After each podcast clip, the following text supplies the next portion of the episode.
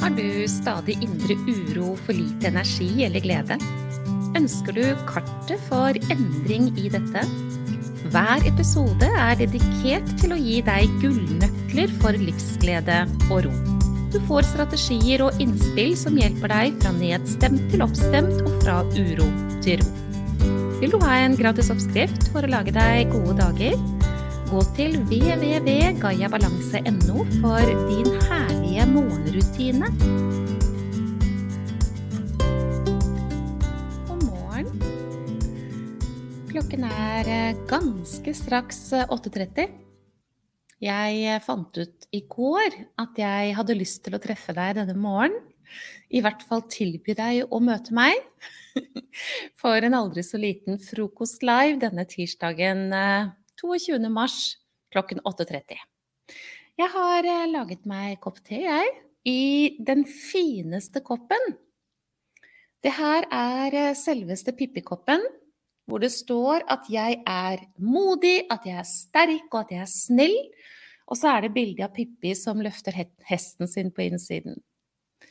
Jeg eh, tenker at verdens beste antistressmedisin, det er å være Pippi, for så vidt. God morgen, Jakob. Så hyggelig at du hilser på meg. Og at jeg får lov å dele litt tid med deg. Så hyggelig. Jeg håper at dere andre som kommer inn, også gir seg til kjenne i kommentarfeltet, så jeg vet hvem jeg skal dele litt tid nå denne morgenen med. Jeg har selvsagt noe på hjertet, da. Jeg klarer jo ikke å la være. Eh, hjertet flommer over. Hva er det man sier? Um, nei, man sier vel kanskje at det man har mye av i hodet, det kommer ut av munnen. For mitt vedkommende er det ganske så ofte motsatt. Det jeg har i hjertet mitt, det kommer ut av munnen. Passerer nærmest ikke sensur i det hele tatt. Jeg brenner for å formidle det som gjør forskjell for mennesker når det gjelder helse. Klarer ikke å la være. Hei, Bibi, god morgen til deg òg, så hyggelig. Har du kaffe eller te i koppen din, Bibi? Du, Jakob, har du kaffe eller te i koppen din? God morgen, Marte. Å, så hyggelig at du kommer innom og hilser på. Du er på jobb, Marte. Jeg tror du er det. Jeg mener jeg leste det i et eller annet kommentarfelt at du skulle på jobb. Ja. Jeg drikker yogi-te. Det er uh, min favoritt. Det er veldig mye å velge i. Veldig mange ulike smaker. Jeg er glad i stort sett alle. Og så er jeg veldig begeistra for um, lappen på disse teposene, fordi uh, der er det alltid et budskap. Nå har jeg ikke lest før akkurat nå, jeg vet ikke hva jeg har fått på lappen min før akkurat nå.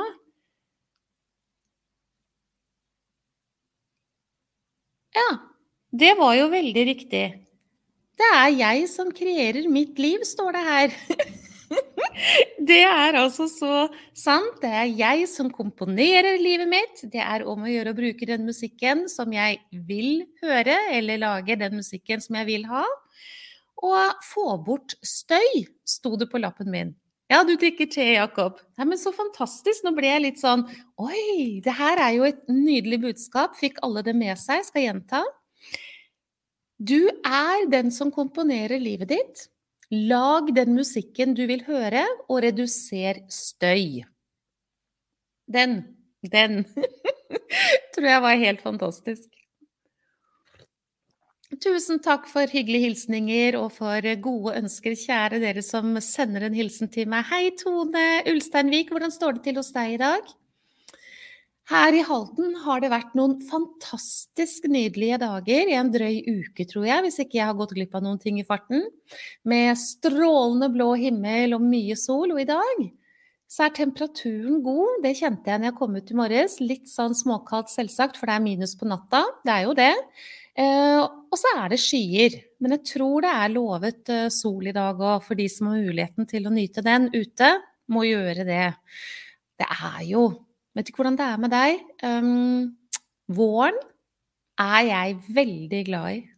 Den overgangen vi er inne i nå, den uh, lærer meg noe hver eneste gang den kommer. Hvert eneste år, og jeg merker det, det er mulig det har noe med alder å gjøre òg, at jeg blir bare mer og mer glad i den overgangen fra vinterdvalen til å leve.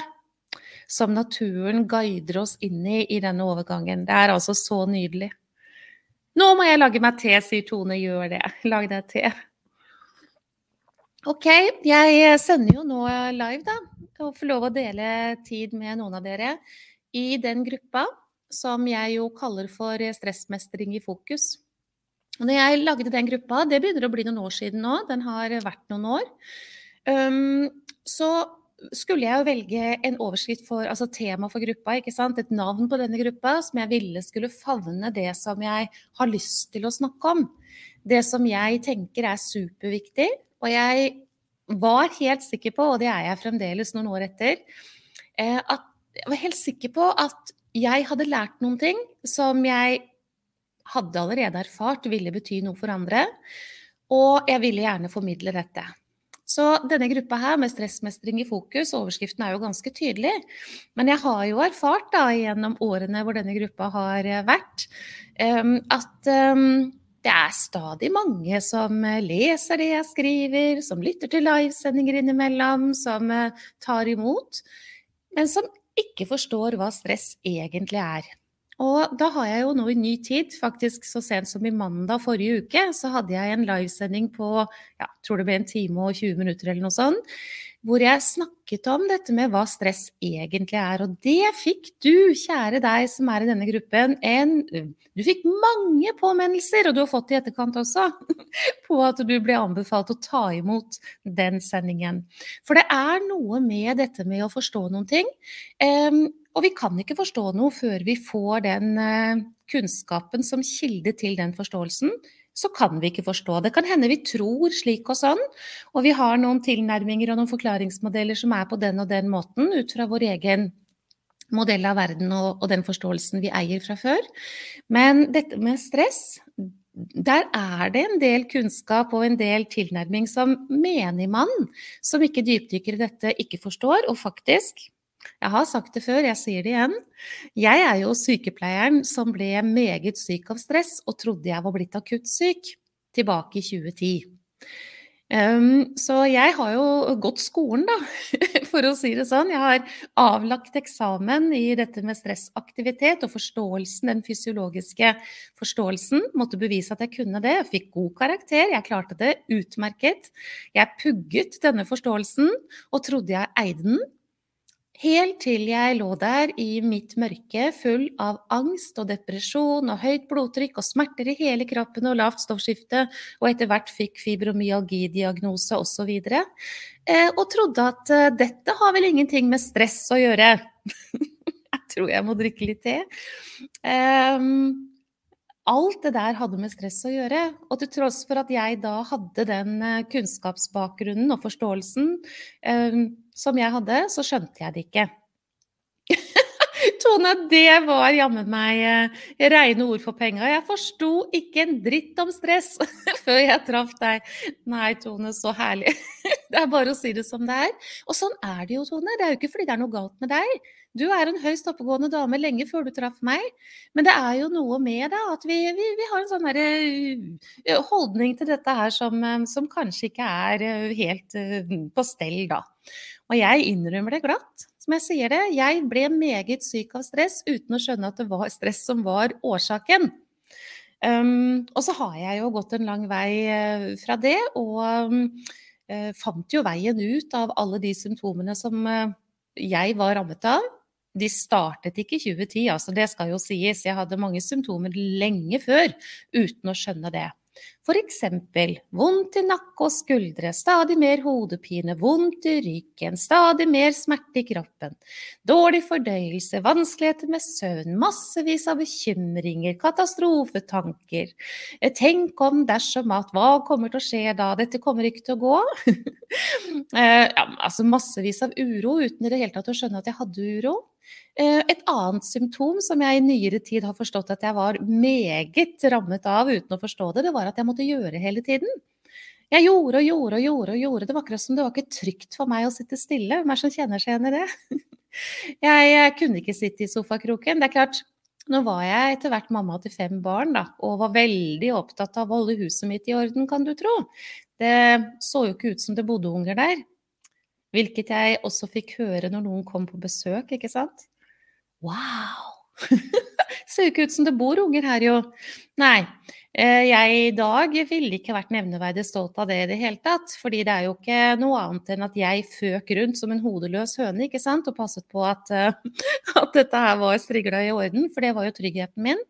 Noen kunne jo mene at jeg ikke var en god nok mamma når ikke huset var strøkent og alt var på stell, vet du, og barna var eh, striglet til enhver tid.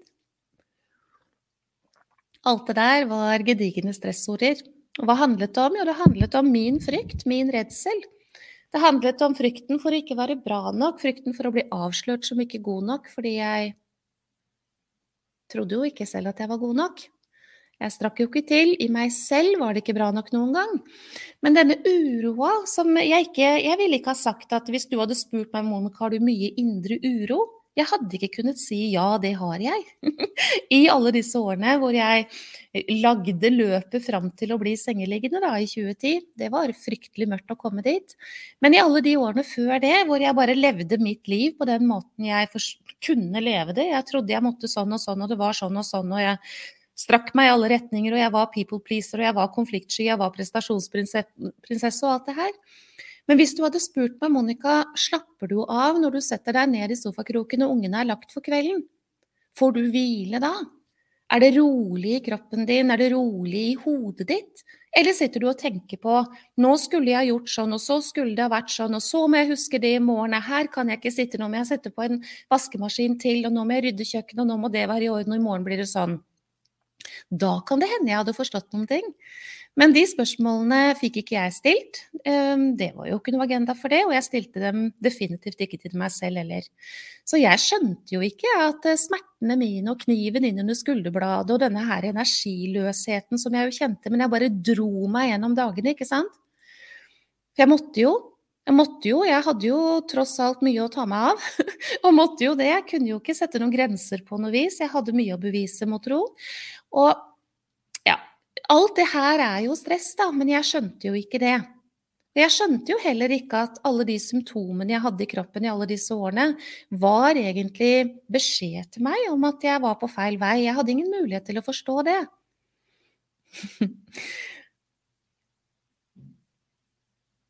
ja, Tone. Det er akkurat sånn det er. Du skriver at eh, stresset startet nok i september 1969, da du ble født. Ja, og for meg startet det i januar 1971. Det vil si, det er ikke helt riktig. Jeg er født i januar 1971. Kjære Tone. Du og jeg. Og mange med oss. Eh, I forhold til hvordan dette henger sammen, egentlig. Men mitt stress startet allerede den gangen jeg lå i mors liv.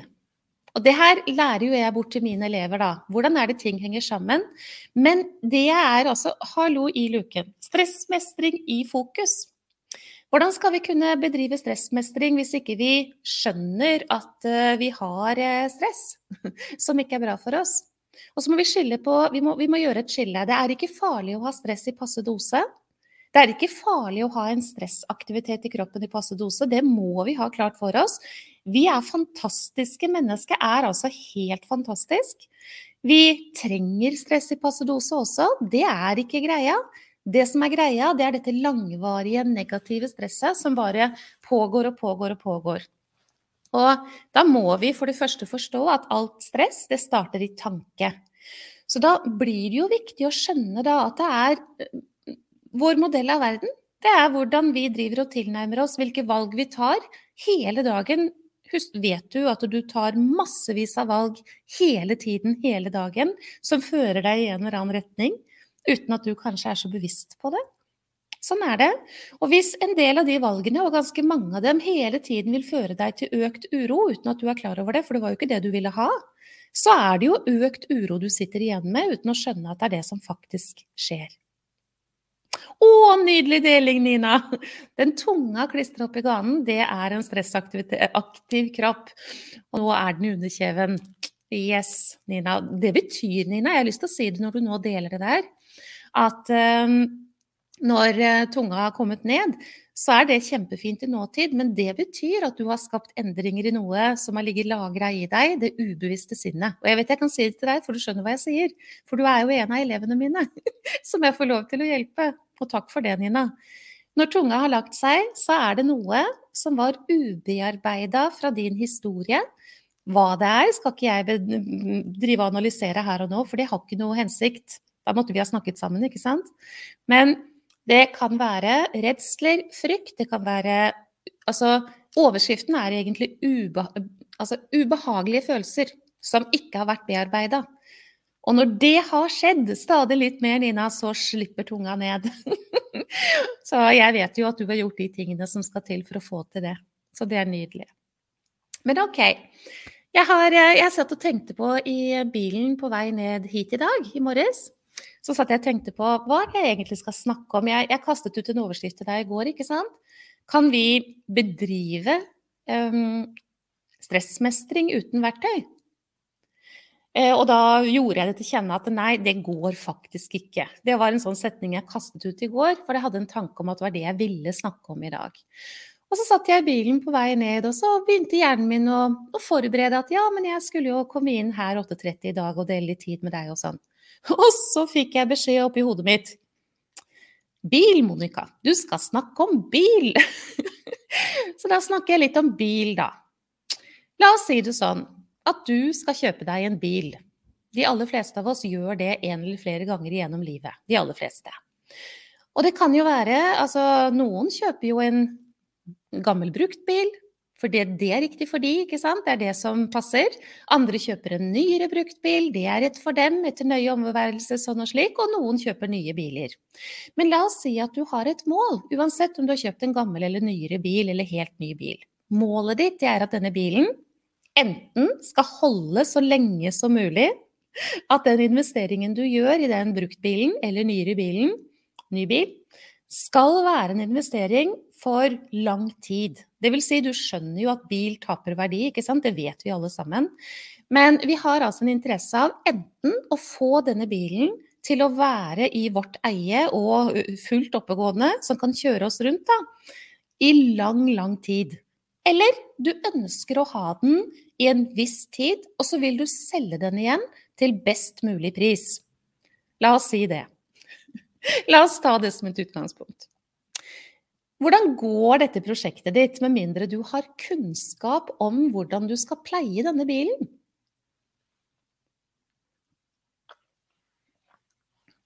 Hvordan går dette prosjektet ditt med mindre du har kunnskap om hvordan du skal pleie denne bilen? Jeg tror alle sammen vil tenke eller si ja, men Monica, det må jeg jo ha. Jeg kan jo ikke ivareta denne bilen med mindre jeg faktisk har kunnskap om hvordan jeg skal ivareta den bilen.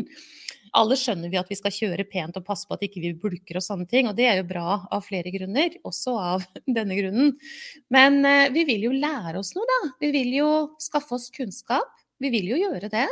Hva er det jeg trenger for bilpleien, da? Hva er det jeg trenger for å holde lakken i orden? Hva er det jeg trenger hvis jeg ser at det kommer rustskader? Måtte Gud forby, ikke sant?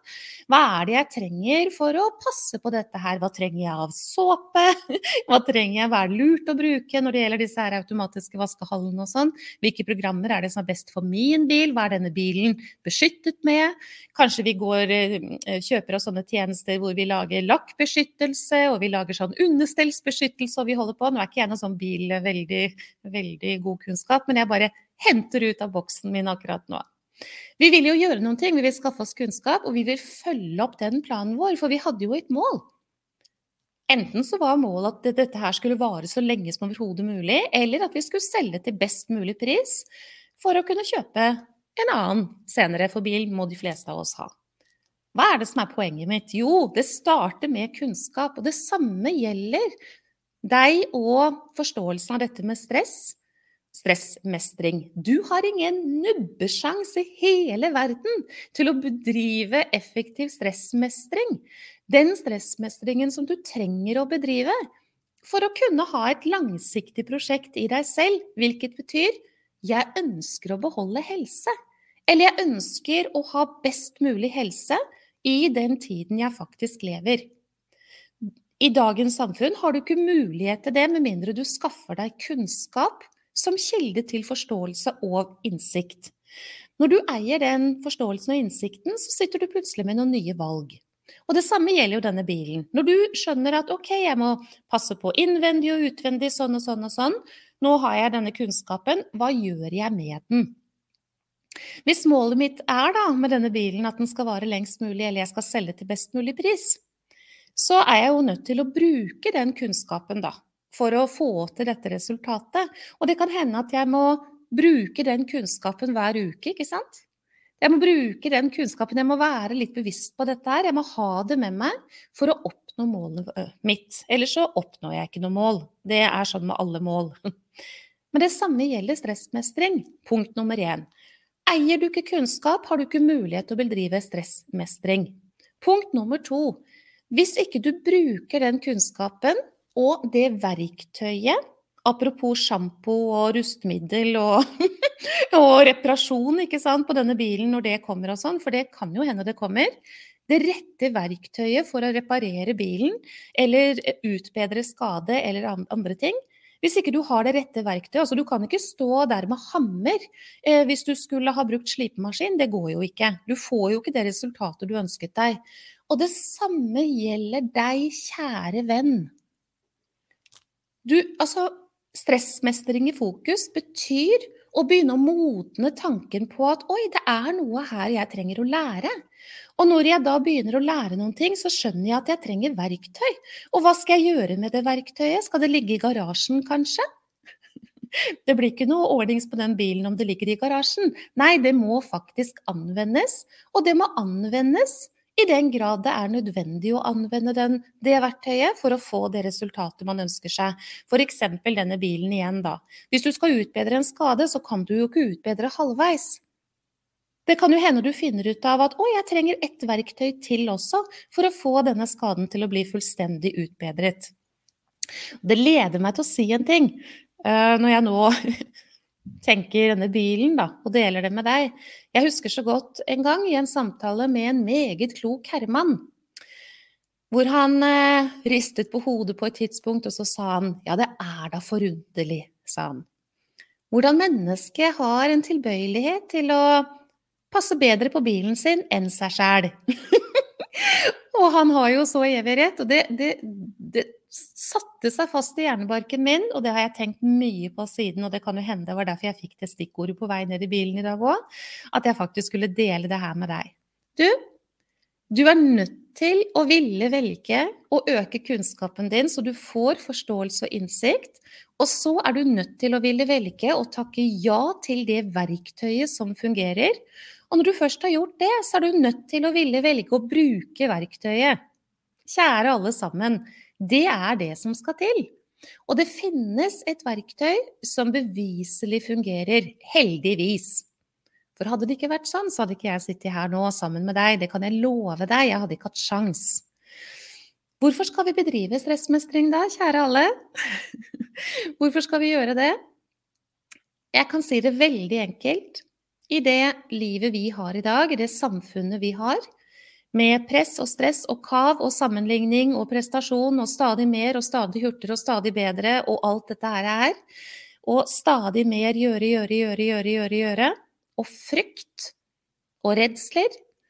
Så har vi ingen mulighet til å beholde helse med mindre vi får satt foten på bremsepedalen i nervesystemet vårt. Og det er ikke sikkert du forsto hva det var jeg sa nå, hvis ikke du har fulgt og tatt imot sendinger som jeg hadde i forrige uke f.eks., for hvor jeg forklarte dette her mye mer nøye, så er det ikke sikkert du skjønte hva jeg sa. Hva var det hun mente? Sette foten på bremsen for stress. Hva i alle dager? ja. Men det er nå engang sånn, da. Vet du, den ene tanken som er med frykt, f.eks. hvordan skal dette gå? Eller hva tenker hun om meg nå? Eller 'jeg er ikke god nok'. Eller 'de liker ikke meg'. Eller 'hvordan skal jeg få til dette'? Hvordan kommer det til å bli fremover? Jeg skal dele en tilbakevendende stressord for mitt vedkommende nå i nyere tid, for det er bare noen få uker siden jeg ble bestemor for første gang. Hvilket jo er stas, da. Det er jo det. Men jeg har altså hatt så mange stressordtanker i hvordan i all verden skal det bli i framtiden for dette lille nurket som har kommet, som er så vakker og uskyldig? Og det er ikke det at den type tanke ikke har kommet tidligere, det å sette barn til denne verden osv., det har jeg hatt ofte før, men nå er det bare stadig oftere. Og siden jeg vet at det er en stressord, så vet jeg også at jeg må møte den tanken, jeg må håndtere den tanken, og jeg må sette foten min på bremsepedalen litt mer ofte, for hvis ikke, så kan det veldig gjerne være at denne nakken min kommer til å si ifra innen ganske kort tid. Så hvem er det som skal bedrive stressmestring? Vet du hva, Det finnes ikke et eneste menneske som ikke skal bedrive stressmestring. Og sannheten trist nok, det er at barna våre i dag, helt under to års alder, har symptomer på for mye stress. Og det betyr jo at vi voksne er årsaken til det. For hvis ikke så hadde det ikke skjedd med barna. Du likte sammenligningen min, Tone. Så hyggelig! Ja da. Det er noe med det. Men Tone, du er jo en høyst oppegående, klok, nydelig dame. Jeg har jo møtt deg, jeg vet hvem du er. Det gleder jeg meg veldig over, Tone. Men uh, du vet jo at uh, hvis du har noe på bilen din som skulle vært fiksa, så lar du jo ikke bilen stå der, og så, når du er avhengig av bilen, da vel å merke, hvilket du jo er av kroppen din nå, ikke sant, så lar du jo ikke bilen stå der uten å skaffe det verktøyet eller den hjelpen som skal til for å få utbedret den skaden eller det som må gjøres. Det er jo ingen av oss som vurderer det engang. Vi bare gjør det, gjør vi ikke det da, hvis vi er avhengig av den bilen? Det er bare sånn, kjære alle, at du er helt avhengig av helsen din. Du er helt avhengig av at kroppen din vil. Og når kroppen din sier ifra at du må gjøre et stykke arbeid, så har det faktisk gått for langt. Du har ikke lyttet, for du har ikke forstått, og du må, fordi det er virkelig på høy tid at du skaper en endring i det. Hvordan sier kroppen ifra? Alt fra å være ukonsentrert til å ha stadig smerte, til å ha betennelsestilstander, til å oppleve mindre glede, til å oppleve at hukommelsen har reist, til å oppleve utfordringer med søvn, til å oppleve dårlig fordøyelse, til å oppleve lite energi, til å oppleve ja. Og det her er jo det de fleste går på legekontoret for. Depresjon, altså dette med litt depressive tanker, stadig litt tyngre i tanken, stadig mer hjertebank, stadig mer stram muskulatur, angst, redsler, frykt, stadig mer tankekaos, stadig mer katastrofetanker, stadig mer av alt dette som jeg snakker om nå, ja, men det er da bilen som trenger hjelp. Og den bilen din, Altså du består av fysisk kropp, består av sinnet ditt og består av dine emosjoner. Og ville hjernen min at jeg skulle begynne å finne sammenligning i bilen, og det var egentlig ikke så vanskelig, for de fleste biler i dag de er jo blitt så både elektriske, og de har jo blitt så teknisk styrt osv., så, videre, så den har jo gjerne den også.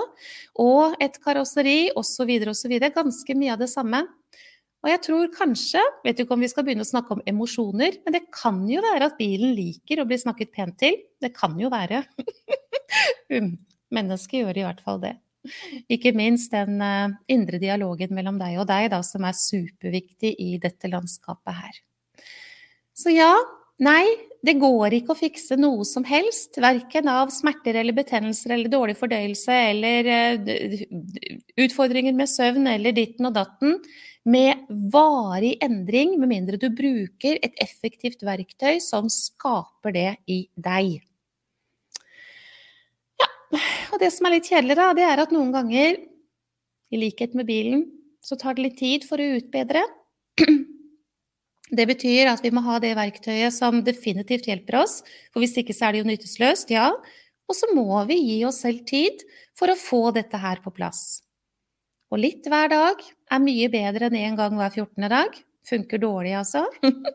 Å gi seg selv den antistressmedisinen en gang hver 14. dag. Apropos, jeg er jo utdannet sykepleier. Det er veldig lite medisin som blir gitt i en gang hver 14. dag eller en gang i uka. Det finnes, men det er veldig lite. Så ja, å!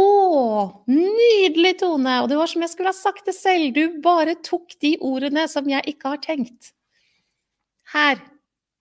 Wow, nå fikk jeg frysninger, Tone, og tårer i øynene. Der kan du se.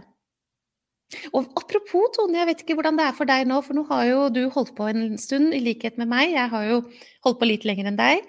Men bare jeg sitter på yogamatta, det gjør jeg nå. Her hvor jeg har dette kameraet, så sitter jeg på min yogamatte. Så kjenner jeg at kroppen roer seg, og det skjer noen ting som er bra i hele meg. Har du begynt å få den yogamatta som et anker for deg, Tone? Det kan tenkes. At bare du setter deg ned og lukker øynene og begynner å trekke noen pust, så skjer det noen ting. Å, det er så nydelig. Å, Tone, tusen takk for den. Og herlige tilbakemeldinger, Tone Cecilie. Håper du hadde en veldig fin dag i går, da, totalt sett, på bursdagen din. Bevare helsa, ja. Det går ikke uten. Den berømte veggen dukker opp. Ja! Og Tone, du nevner den berømte veggen. Det er så mange mennesker som møter den berømte veggen, og vi omtaler det jo på den måten også, og har fått signal på signal på signal på signal. Ikke fanget det, fordi de har ikke hatt mulighet til å gjøre det. Forståelsen er ikke der. Man skjønner ikke. Og man tror man må fortsette på samme vis som man har gjort. Og så ender man der, da. Jeg ble veldig syk. Jeg lå i senga nesten et halvt år. Jeg var alenemor til fem barn. Det var en grusom periode i mitt liv. Jeg hadde tanker som at det var bedre at jeg ikke var til stede. Jeg var helt sikker på, når jeg fikk kroniske diagnoser, utdannet sykepleier som jeg er, at da kom jeg til å ha det sånn resten av livet mitt. Det var ikke en eneste behandler som kunne hjelpe meg med det her. Jeg har prøvd alt. Men heldigvis så ble det på en annen måte. Fordi effektivt verktøy finnes. Uten det så går det egentlig ganske dårlig.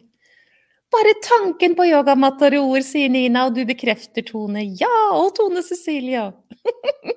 ja, det er så herlig, damer. Jeg blir så glad. Så, så, det her er en god idé å møte dere sånn på, på morgenen, altså. Det må jeg si. Jeg blir så glad. Å, tusen takk for alle delinger og tid de har delt. Hva, hva, i det jeg har snakket om nå har du lyst til å ta med deg videre? Eh, for Tone, en av dere andre her um, Skal vi se Ja, litt høyere opp der. Så, um, så ble jo denne metaforen med bilen veldig, veldig tydelig. Jeg uh, syns det er en god idé, rett og slett. Og det er jo forunderlig, da, som denne vakre mannen sa det en gang. Er da mennesker tar bedre vare på bilen sin enn de tar vare på helsa si og seg selv. og det er jo faktisk sånn, og det går ikke, det der, altså. Men punkt nummer én kunnskap som kilde til forståelse og innsikt. Punkt nummer to effektivt verktøy. Punkt nummer tre just do it. Og du vil hvis ikke du er en av de som bruker dette her nå, og gjør dette her nå, og tar vare på deg selv, så vil du erfare det som disse andre damene her nå snakker om, at det er det lureste de har gjort. Og um, at det skaper endringer i alt dette. Det å tenke stressmestring sånn helt til slutt nå, det er jo både forebyggende og rehabiliterende. Jeg vet at hvis jeg hadde brukt det verktøyet som jeg etter hvert da kom til å gjøre, fra å være veldig syk av stress til noe helt annet. Hadde jeg brukt det før jeg ble syk, så hadde jeg jo ikke blitt syk. Det vet jeg. Og hvordan kan jeg si det? Jo, fordi det begynner å bli mange år, vet du. Fra 2010 til jeg startet næringen min tre år senere, ut fra tanke det som har gjort en så stor forskjell for meg, må gjøre forskjell for alle andre. Der startet det. Det har virkelig blitt bevist mange, mange ganger. Til å være uten symptomer i alle år videre. Tenk deg det! Og nå er vi på 22. Det er altså snart eh, ti år siden jeg startet næringen min. Det er snart ti år siden jeg ble symptomfri. Og du må jo ikke tro, da, mamma til fem barn pluss ett til, seks barn, og, og, drive næring med kontakt med massevis av hundrevis av mennesker, apropos stressorder. Der har vi massevis av stress, det kan jeg love deg. Så hvis ikke jeg kunne ha vært beviset for at det faktisk er mulig, så vet jeg ikke. Jeg vet at det er sånn. Ja, kjære alle dere som ikke, ikke bruker et verktøy for bilen, les det som Tone skriver her. Har ikke vært hos noen for behandlinger etter at jeg begynte på kurs hos meg. Nei. Tone, der kan du se. Nå. Ja da. Det som skjer, Tone, da, til min store glede på dine vegne, det er at endringene skapes, endringene i årsaken skapes. Og da forsvinner jo symptomene og, og, og behovet for ulike behandlinger osv. osv. Så, du bedriver jo nå, i likhet med meg, Tone, et eh, forebyggende arbeid i størst grad i deg. Og fortsetter. Fortsetter på reisen egentlig til bevissthet, for det er jo det det handler om i, til syvende og sist. Herlig, damer. Da skal jeg eh, nyte resten av min te. Denne koppen her, forresten, som er selveste Pippi-koppen, som minner meg om at jeg er sterk, at jeg er modig, og at jeg er snill. Mm. Og med bilde av Pippi på innsiden. Du skulle nesten ha sett den hvis du ikke har sett denne koppen før. Nydelig, altså. Den har jeg fått av eh, en av dere, en av elevene mine, som eh, var innom helt i starten. Marte. Du kommer sikkert til å ta med deg denne sendingen i opptak, det tror jeg du gjør denne koppen her, den er jeg veldig glad i. Og hvis jeg skulle synes at det er litt sånn puslete med meg en dag, da, en liten stund på dagen, så minner jeg meg selv om hva det er jeg rommer, og at jeg er selveste Pippi. Og ja, og hva er da problemet egentlig? Det går ehm, Det fungerer jo fint. Tusen takk for tiden jeg har fått dele med dere, kjære alle. Ha en fin dag, Jakob og Nina og Bibi og Tone. Og Tone og Tone Cecilie og dere andre som har delt litt tid med meg. Lag tirsdagen god. La bilen skinne. Ha det.